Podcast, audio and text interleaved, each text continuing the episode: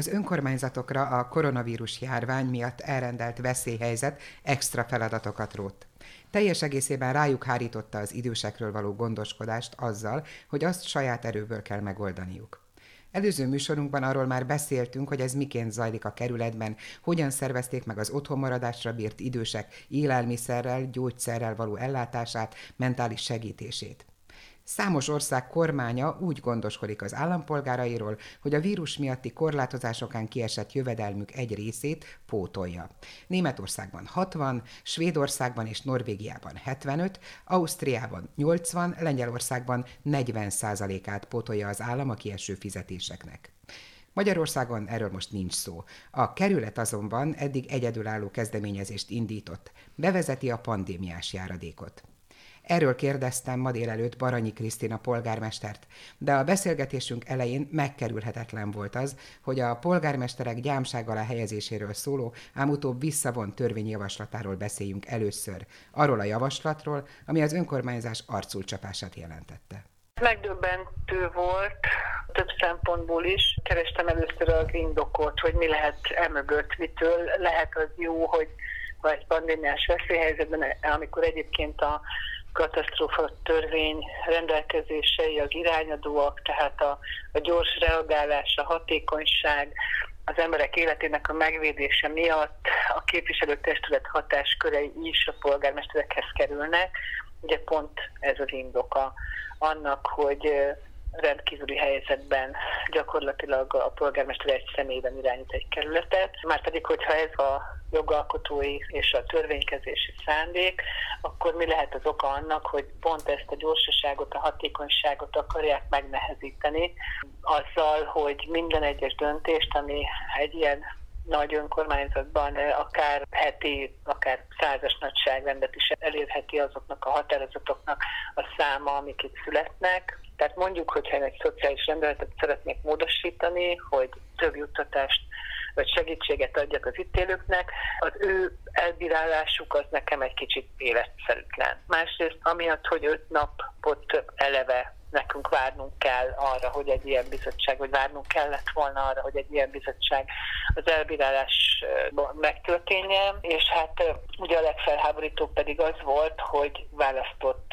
képviselőknek választott polgármesternek a jogköreit vonják el egy olyan bizottsághoz, ahol igazából kizárólag politikai kinevezettek vannak. Vajon föl lehet lélegezni, hogy ezt a törvényjavaslatot most visszavonták? Hát mindenképpen fel lehet lélegezni egyrészt a, a demokrácia véd védelmének a szempontjából, másrészt pedig a praktikum és a napi működés szempontjából is, hiszen egy önkormányzatot működtetni, főleg egy ilyen pandémiás helyzetben, az kívánja meg, hogy, hogy aki döntést hoz, az tökéletesen tisztában legyen a működéssel, a lehetőségekkel, az önkormányzatot érintő törvényekkel, jogszabályokkal, az önkormányzat pénzügyi helyzetével, tehát egy csomó olyan információt feltételezve, meg nyilvánvalóan egy ilyen bizottságnál nincsen meg. Az elmúlt adásban az alpolgármester asszonynal arról beszélgettünk, hogy Ferencváros miként próbál megfelelni annak a feladatának,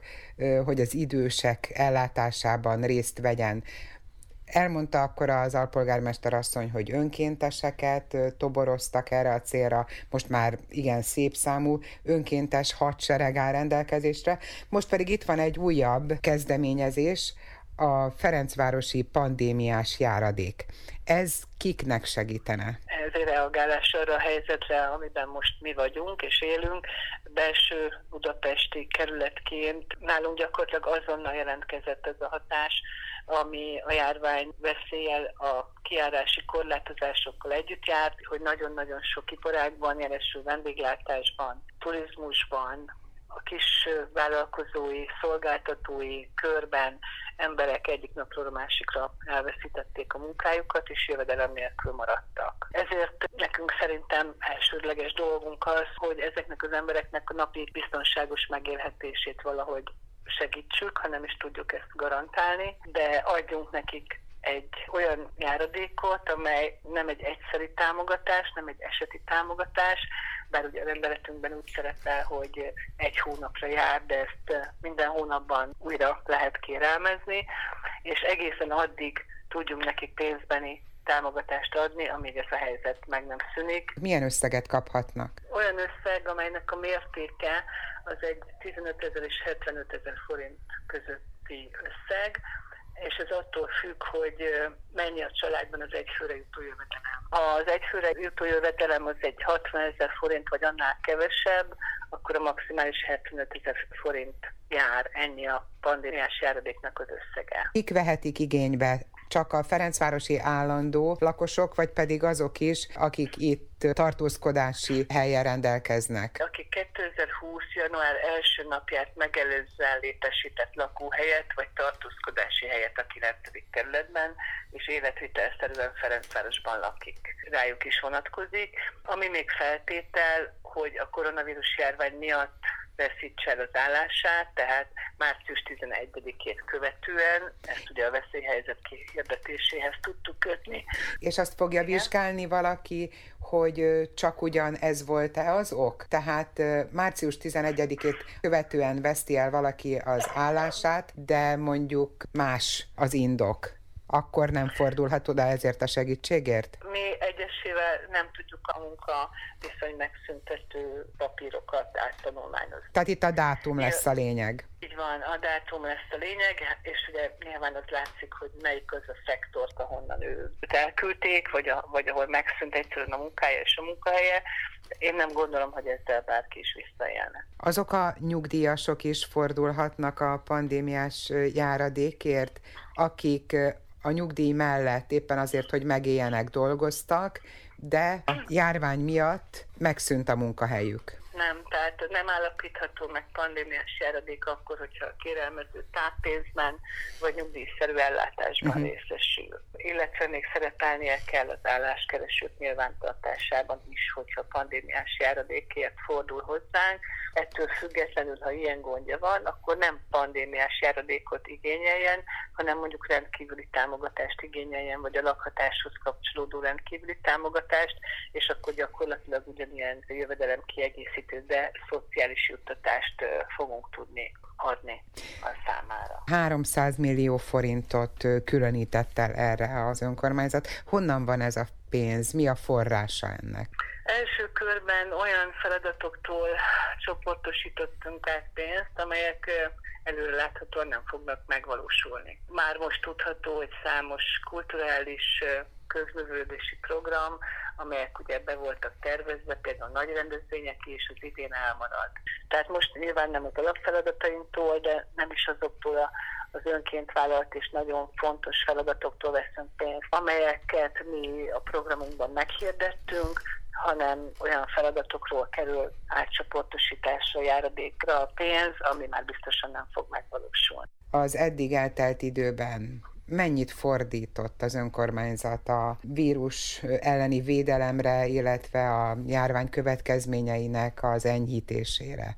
Március 12-e óta eh, erre a célra költött eh, pénz, az külön soron szerepel. Például, hogy az összes házi orvosunkat, szakorvosunkat, gyermekorvosunkat, fogorvosunkat elláttuk védőfelszereléssel, kesztyűkkel, szájmaszkokkal, van, ahova már a második, harmadik adagot visszük, vásároltuk ezeket a germicid lámpákat, amelyek ugye csirátlanítanak, vírusmentesítenek az összes orvosi rendelőváró termében vagy váróhelyiségében van ilyen. Vásároltunk például nagy mennyiségben fertőtlenítőszereket, amivel az utcákat, a utcabútorokat, a, a parkokat fertőtlenítjük, vásároltunk alapanyagot szájmaszkvarráshoz nagy tételben, amit ugye egyrészt a, a Festofe a saját cégünk gyárt, másrészt önkéntesek, illetve most már két óvodában is berendeztünk egy ilyen alkalmi varodákat, vásároltunk például mobiltelefonokat a segítőközpontokban dolgozóknak,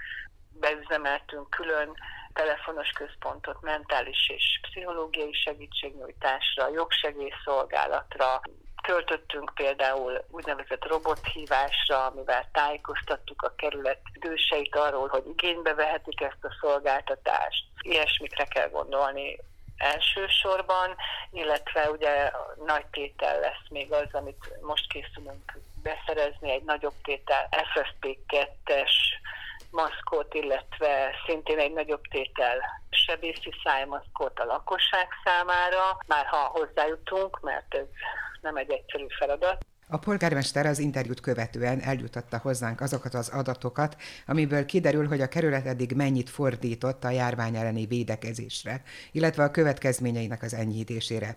Kifejezetten a járványal kapcsolatos feladatokra 135 millió forintot különítettek el. Ehhez jön a 300 millió forintos pandémiás járadékra vonatkozó keret, emellett megemelték az egyéb szociális juttatások összegét, és a hozzáférésen is módosítottak. Ennek összeg összege az igénylők számától függ. Rádió 9. A kerület civil hangja.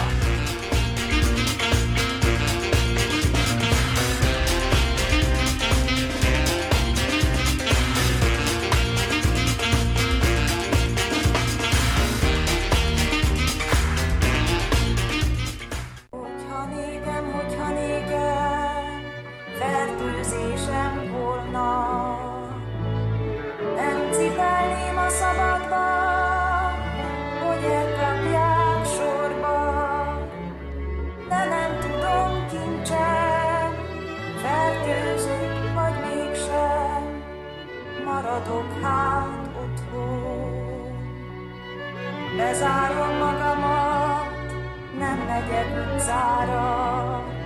Láthatatlan vírus, nesze a pofádra. Ma senki nem viszi, a vírus kidöglik. Játszhatunk majd együtt, éjjel-nappal